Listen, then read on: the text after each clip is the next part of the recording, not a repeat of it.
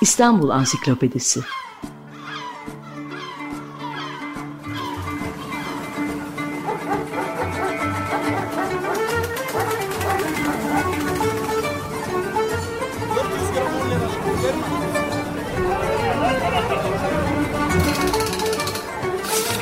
İnsanlar, olaylar, mekanlar, gelenekler ve ihtiyaçlar üzerinden şehrin tarihinden sayfalar.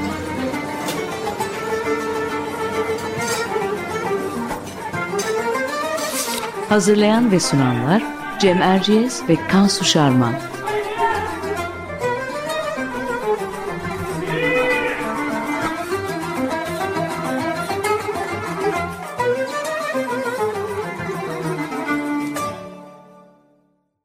Merhabalar, ben Cem Erciyes. Açık Radyo'da Kansu Şarman'la birlikte hazırladığımız İstanbul Ansiklopedisi'nin yeni bir programındayız. Bu hafta konumuz İstanbul'un hanları ve pasajları. Konuğumuz ise bu konuda e, güzel de bir çalışması olan e, Batılaşma dönemi, dönemi İstanbul'un da Hanlar ve Pasajlar adıyla kitap olarak da yayınlanan sanat tarihçisi Nursel Gülenaz. Hoş geldiniz Nursel Hanım. Hoş geldiniz. Bulduk. Merhabalar. Şimdi tabii hanlar ve pasajlar aslında şehrimizin e, önemli bir parçası. Hepimizin hayatının içinde Eminönü'ndeki e, klasik e, Osmanlı ticaret hanları, eski kült yapıları e, birçoğumuz biliriz. Ama bize daha çok nostaljik e, eski İstanbul'u hatırlatan e, kentin içine e, serpiştirilmiş özellikle eski kentte Karaköy, Beyoğlu civarındaki 19. yüzyıl hanları ve pasajları var ki bugün daha çok onlardan bahsedeceğiz. 1950'lerden sonra da yapılmış Şişli bölgesindeki hanlar ve pasajlar e, onlar bile artık bugün e, eski gözde e, durumlarını yitirmiş durumdalar. E, onların yerini biraz daha AVM'ler, rezidanslar alıyor. Biz e, eski İstanbul'u e, yaşatan hanlar ve pasajlardan bahsetmeye şöyle bir geçmişine hızlıca bakarak başlayalım. Şunları söyleyebiliriz. İstanbul'da bugün örnekleri hala ayakta kalan hanların ilk örnekleri e, Fatih döneminden itibaren yapılmaya başlanmış. İnsan, hayvan ve yük üçlüsünü bir araya getiren klasik Osmanlı ticaret hanlarından bahsediyorum.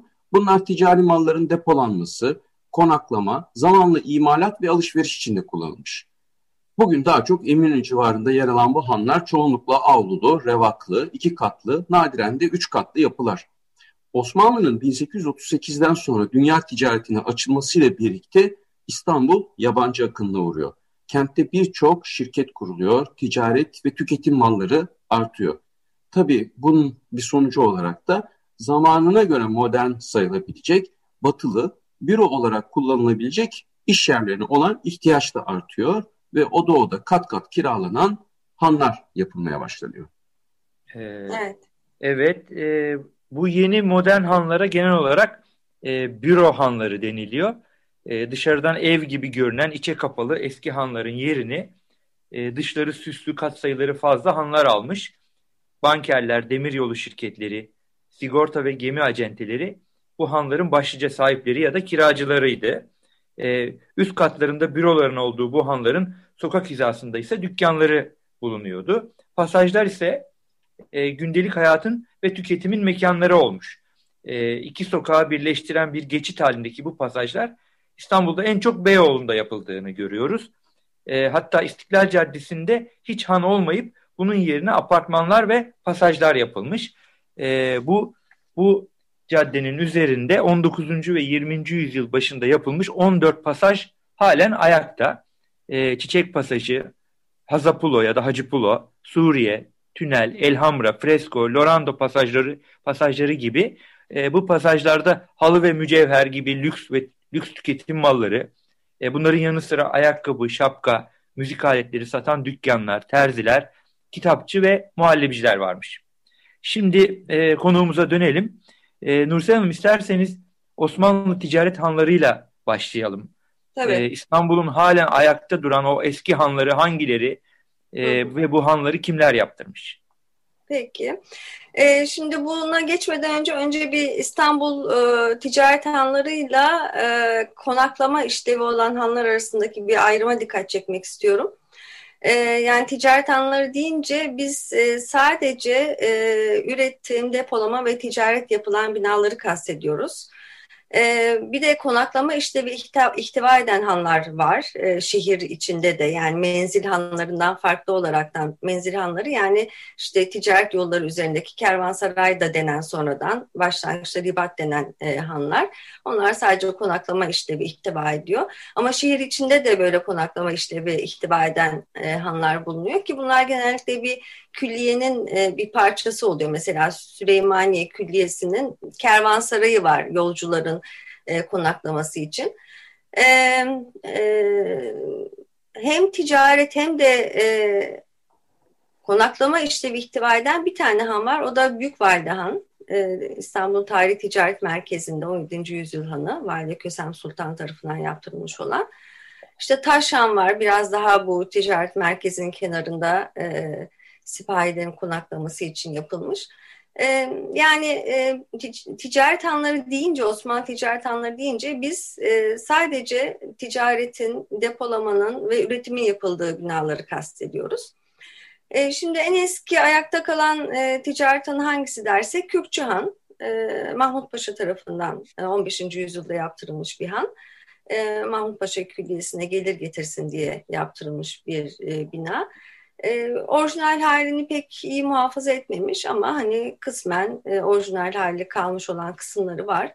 Hani bugün e, Kürkçan deyince e, yüncüler akla geliyor. E, yün almak isteyenler hani nispeten çok çeşitli e, fiyatı uygun bir şekilde Kürkçan'a giderler.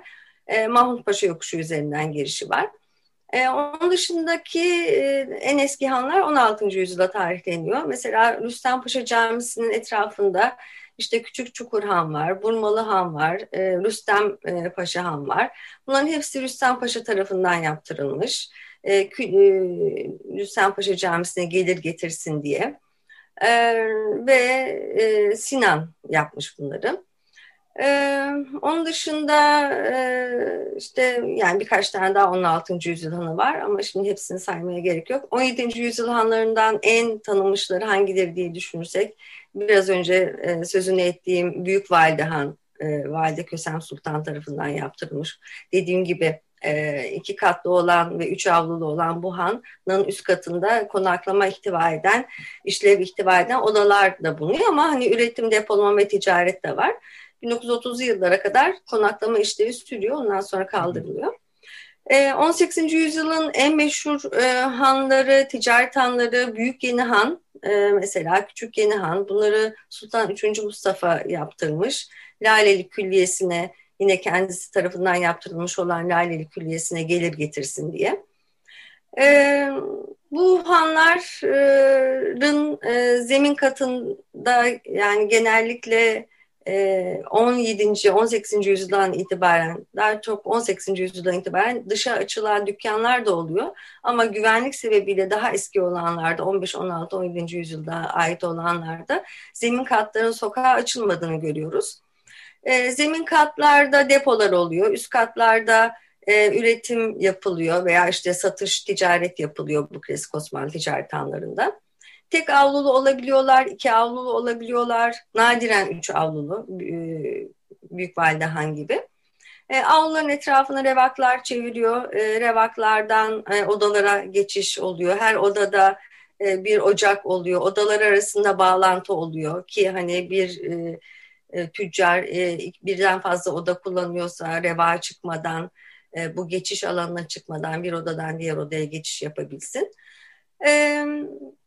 E, 19. yüzyılda da yine klasik Osmanlı ticaret hanı dediğimiz e, hanlara örnek verebiliriz. Mesela Yıldız Han, e, Mahmut Paşa yokuşu üzerinde.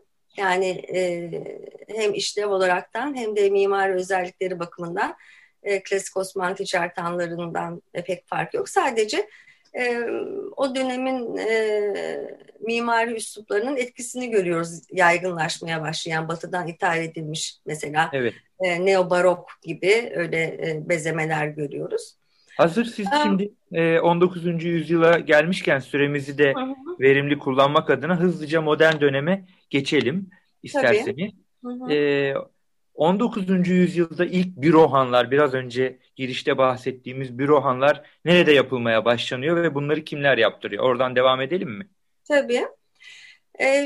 19. E, yüzyılda 1838 e, ticaret anlaşmalarından sonra yani 1838 e, ve daha sonrasında İngilizler, Fransızlar ve diğer Avrupa ülkeleriyle yapılan ticaret anlaşmalarından sonra birçok biraz siz biraz önce sizin de bahsettiğiniz gibi yabancı ortaklığı veya tamamen yabancıların kurduğu anonim şirket kuruluyor ve e, yeni iş kolları e, Osmanlı hayatına giriyor. E, malların e, üretimi artıyor veya ithalatı artıyor. Hem e, miktar olarak hem kalem olaraktan ve e, yeni iş alanları, yeni e, şirketler içinde mekanlara, modern mekanlara ihtiyaç duyuluyor. O sırada e, Avrupa'da e, büro hanları yapılmaya başlanmış. Daha önce Orta Çağ'da Bürgerhaus denen e, hem ticaretin yapıldığı, depolamanın, üretimin yapıldığı ve ticareti üretim yapan ailelerin oturduğu binalar var. E, ama işte e, sanayi devriminden sonra e, malların e, üretiminin artışı, kalem olarak artışı e, ve uzmanlaşma sonucunda işte üretim e, fabrikalara, işte depolama depolara ve antropolara gidiyor ve böyle şehir merkezlerinde e, iş yerlerinin, ticaretin organize edileceği, işte e, dükkanların olacağı, tüketime, tüketim ihtiyacını karşılayan büro binaları yapılıyor. E, işte Osmanlılar'da bu yeni kurulan e, şirketlerin e, büro ihtiyacını karşılamak üzere e, özellikle şehrin tarihi ticaret bölgesinde yani burası Beyazıt, Sirkeci ve Unkapan arasında olan üçgen içerisindeki bölge ve yabancı tüccarların yoğun olarak yerleştiği Galata bölgesinde e, pek çok sayıda büro hanı yapılıyor. E, büro binası demiyorum çünkü e, Osmanlı ticaret hanlarına hem e, işlev bakımından hem de e, mimari bakımdan çok benziyor bu e, büro binaları. E, ve zaten hani, tezinde de söylediğim gibi yazdığım gibi e, bence büro binalarının e, esin kaynağı e, İslam ülkelerindeki e, ticaret hanları. E, mesela Dawn House diye bir bina var Hamburg'da, Kontor House deniyor. E, işte avlulu, etrafı galerilerle çevrili, odalar bu galeriye açılıyor. Yani klasik Osmanlı ticaret hanlarını çok çağrıştırıyor. Nitekim evet. buradaki bürohanları da e, birçoğu avlulu, e, e, revakların yerini galeride alıyor. İşte galerilere odalar açılıyor. Yani klasik Osmanlı hanlarını çağrıştırıyor. Siz e, zaten... Ve çok sayıda e, büro hanı yapılıyor. E, siz hem e, Galata'da şeyden... hem de tarih ticaret bölgesinde. E, pasajların da zaten e, biraz ilhamını e, Doğu e, kapalı çarşılarından ve agoralardan, antik agoralardan aldığını söylüyorsunuz. Onlara da birazdan değineceğiz. E, biraz şeyleri anlatır mısınız? Bu büro hanları e, temel mimari özellikleri neler? Bunlar ama farklı olarak altlarında bunların dükkanlar da var galiba. Avlulu olanlar var, avlulu olmayanlar var. Birkaç e, kelimeyle bu, bugün hala etrafımızda örneklerini görebildiğimiz bu hanlardan bahsedelim. Tabii. E, mimari özellikleri e, şöyle, e, bir kere cepheler e, batıdan ithal edilmiş mimari üsluplarda bezeniyor. İşte yaygın olarak da neoklasik üslupta.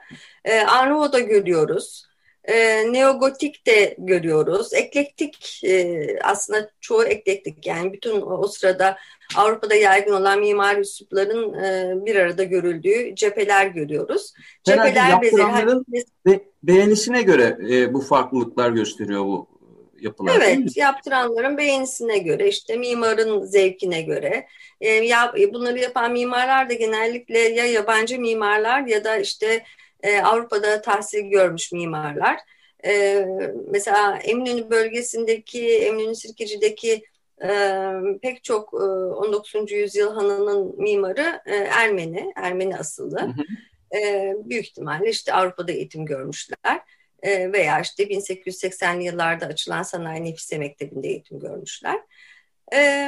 Bir kere cepheler farklı. İkincisi e, örtü sistemi farklılaşıyor. İşte klasik Osmanlı ticaret hanlarında kubbe ve revaklar varken örtü sistemi olaraktan e, büro hanlarında işte demir pütralli volta döşeme e, yerini alıyor bu örtü sisteminin, eski örtü sisteminin. Revakların yerini galeri al alıyor. E, avluslu olanlar var, e, olmayanlar var. Olmayanlarda odalar e, bir hole açılıyor ya da e, bir galeriye açılıyor ya da ışıklı bir e, hole açılıyor. Yani üstten ışık alan.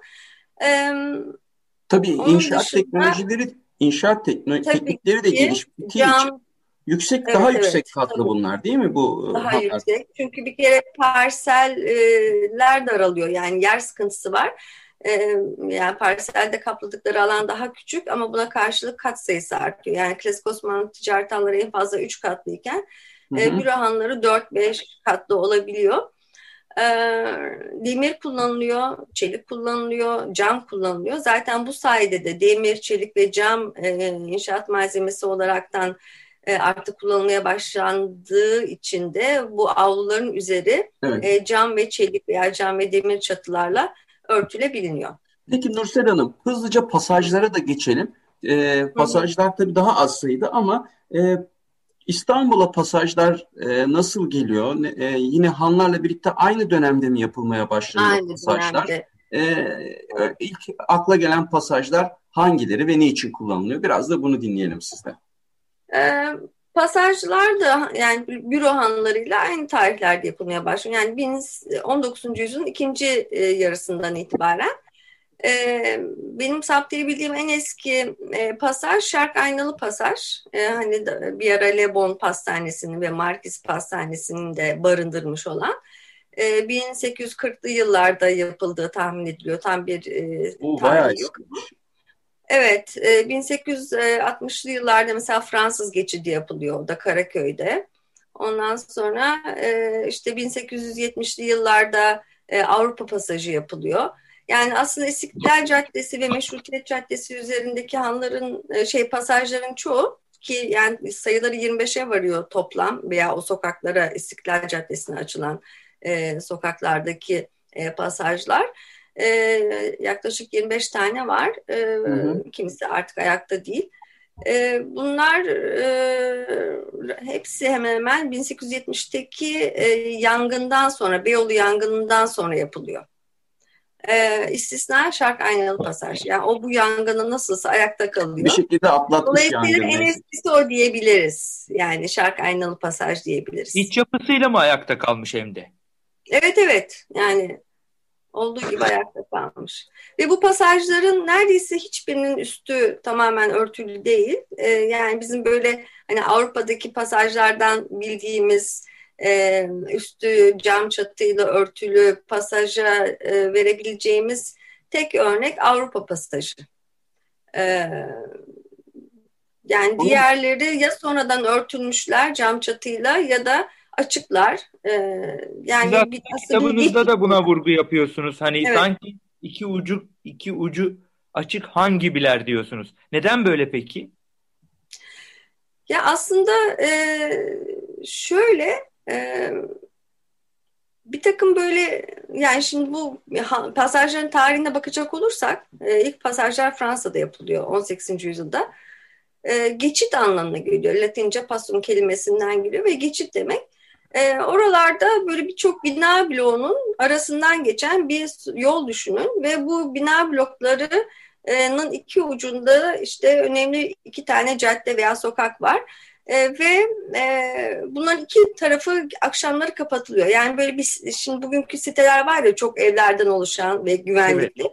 Hani e, tek başına böyle bir e, korunaklı bir ev yaptırmaya parası yetmeyen ama nispeten maddi geliri iyi olan e, insanlar e, böyle sitelerde oturmayı tercih ediyorlar. Akşamları e, iki sokağın tarafındaki kapıları kapatılsın, güvenlik içinde otursunlar. E, yani böyle başlıyor bu pasajlar. Sonra bunların altında bu binaların altında dükkanlar oluyor. İnsanlar işte yine daha böyle arabaların geçmediği, at arabalarının geçmediği e, e, yerlerde alışveriş imkanı et, elde etsinler diye. En sonunda da işte 1819. yüzyılda artık üstü cam ve çelik veya demirle kapatılmış e, insanların yağmurdan, işte soğuktan e, ve arı, atlı arabaların tacizinden, tacizinden. uzak bir şekilde e, alışveriş edebilecekleri e, mekanlar yapılıyor. E, yani batılaşma Osmanlı e, İmparatorluğu'nda 19. yüzyılın ortalarında artık iyice e, bir tepe noktasına ulaşıyor ve batıda görülen her şey burada da yapılmaya çalışılıyor. Zaten ticarette Avrupalılar çok büyük rol oynuyorlar. E, dolayısıyla da hani e, pasajlar yapılıyor. Yani İstiklal Caddesi, e, Grand Rue de Pera e, gerçekten hani Şanzelize ile karşılaştırılabiliyor o zamanlarda ve Avrupa'dan ithal edilmiş malların da e, satıldığı mekanlar bunlar. E, şey e, ama dediğim gibi hani e, böyle e, üstü kapalı e, pasaj başından itibaren Avrupa pasajı, diğerleri sonradan kapatılıyor evet. ağırlıklı olarak da. Evet, ee, neden böyle sonuna gelmek üzereyiz. Onun için hani mutlaka güncel döneme ilişkin bir soruyu da sizin sizden bir cümle daha söyleyeyim ben bu konuda. Ee, bu e, yani çok değerli olduğu için İstiklal Caddesi'nde mekan e, bu pasajların e, meydana getiren binaların hepsi çok katlı, dört katlı. Yani altta dükkanlar, üstte de apartman daireleri var. E, halbuki Avrupa pasajı öyle değil. Hani e, bodrum katı var, e, dükkan var, onun üstünde de bir kat daha var. Yani dükkanlara ayrılmış sadece ama bir yer kaybı var. Daha yüksek olabilirdi. Anlatabiliyor evet. muyum? Bunu da düşünmek gerekiyor. Ee, peki e, 1900'lerin başındaki bu Goat sigorta haritalarında hı hı. E, Eminönü, Unkapanı, Beyazıt arasındaki bölgede 136. E, 19. yüzyıl e, hanından bugün ancak yani bu 136 19. yüzyıl hanından bugüne ancak e, 70 kadarının ayakta kaldığını yazmışsınız kitabınızda. Evet. E, bu binaların nasıl yok olduğunu ve bugünkü kalanların bugünkü durumlarına da ilişkin kısa bir özet alalım alıp öyle kapatalım isterseniz. E, yani imar hareketleri sonucunda yıkılıyor e, ya da işte yıktırıyorlar e, yani biliyorsunuz koruma kanunları 1980 yıllardan itibaren var 83'ten itibaren e, yıkılıyor yerine daha yükseği yapılıyor e, yani bildiğim kadarıyla böyle. E, nasıl bugünkü durumları bu 19. yüzyıl hanlarının e, yani birçoğu e, kötü durumda. Yani çünkü kat yıkılmış olanları var. Yani hani sanki böyle ön cepheye benzetilmiş de üzerlerinde e, 1940'lardan 50'lerden 60'lardan kalma e, kat ek katları olanları görüyoruz biz zaman zaman. Şimdi e, yani 19. yüzyıl hanlarında evet ek katlar olanlar var. E, ama mesela daha eski klasik Osmanlı ticaret hanlarının içinde de çok gece kondular var. Yani revaklar kapatılmış, içinde. odalar yapılmış. Mesela Büyük Valide Han'da bu görülüyor. E, yani böyle diyebilirim. Çok iyi durumda olanlar da var. Mesela Kayseri Han, Sirkeci'deki e, Mimar Kemalettin Caddesi üzerinde. Ondan sonra işte Sansaryan Han var. E, Mahmudiye Han yine fena durumda değil e, Yusuf Yanhan fena durumda değil. Yani iyi durumda olan 19. yüzyıl hanları var ama e, işte dediğim gibi pek çoğu böyle e, artık e, üst katları depo olarak sadece kullanıldığı için artık e, gözden düştükleri için yani ticaret başka yerlere kaydığı için e, bakım pek yok. Bir de çok hisseliler, çok hisseli oldukları için de bir araya gelip işte tamir ettiremiyorlar. Yani aslında bunu e, yani belediye veya işte e, bakanlık, ilgili bakanlıkların el atıp bu çok değerli yapı stoğumuzu orijinal uygun bir şekilde restore edip ticaretin de yine oraya dönmesi teşvik edilmeli veya işte büroların oraya oralara dönmesi teşvik edilmeli diye Galata için de böyle mi bu durum? Efendim? Galata Galata'daki hanların durumu da böyle e, Galata'daki hanların durumu da e, böyle bir kısmı hani Karaköy tarafındaki ama Galata'da şöyle bir şey var. E, bir, alınıp satın alınıp e, otele çevriliyorlar. Özellikle Bankalar Caddesi, eski Voyvoda Caddesi üzerindeki hanların pek çoğu e, yavaş yavaş otel yapılıyor. E, yani bu da tamam yani yapıların korunması açısından belki iyi bir şey ancak e, yani eski işlevini sürdürmemesi bakımından e, oranın ruhunun değişmesi bakımından da pek onaylanacak bir durum değil. Peki çok teşekkür ediyoruz süremizin sonuna geldik. Ben ee, teşekkür ederim beni davet ettiğiniz için programımıza. Sağ olun. Çok sağ olun. Çok ve çok e, faydalı oldu. E, programımızın sonunda e, adetimiz olduğu üzere ansiklopedik bölüm var. E, bu hafta U harfindeyiz. E, U harfinden maddemiz ulufe. E, İstanbul Ansiklopedisi Reşat Ekrem Koçu'nun G harfinde bittiği için e, ustanın Yeniçeriler adlı eserinden aldık bu maddeyi. Oradan okuyorum. Yeniçerilerin gündeliğine ulufe veya mevacip denilirdi ve üçer aylık istik, istihkak üzerinden senede dört takside ayrılmış fakat üç, üç taksitte ödene gelmiştir. Bu taksitlere hicri takvim aylarının isimlerindeki harflerden alınarak birer isim verilmişti. İlk taksit Muharrem, ikinci taksit Cemaziyel evvel aylarında, üçüncü ve dördüncü taksitler de Şaban ayında çift olarak ödenirdi. Bundan ötürü son takside çift mevacip manasına kısteyn mevacibi denilirdi. Kapıkulu askerinin bu arada Yeniçerilerin parası İstanbul'da Topkapı Sarayı'nın içinde Divan-ı Humayun'un toplandığı kubbe altı önünde divanın toplantı günü olan salı günü dağıtılırdı. Yevmiye, hizmet kıdeminden başka vazifede gayret, muharebelerde fedakarlık, kahramanlıkla da artardı. Yeni bir padişahın tahta oturmasında, büyük zaferlerden sonra da büyük, bütün Yeniçerilerin gündeliklerine münasip zamlar yapılırdı. Yapılan zamlara ulufenin artmasına terakki denilirdi. Evet, e, programımızın bu haftaki bölümü burada sona eriyor. Haftaya yeni bir konu ve ansiklopedide yeni bir madde ile devam edeceğiz. Hoşçakalın. Hoşçakalın. Hoşçakalın. İstanbul Ansiklopedisi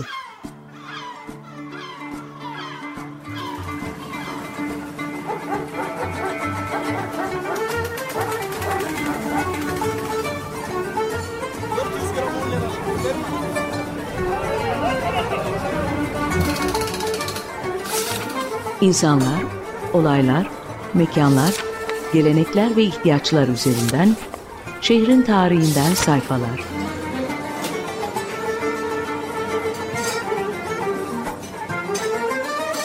Hazırlayan ve sunanlar Cem Erciyes ve Kansu Şarman.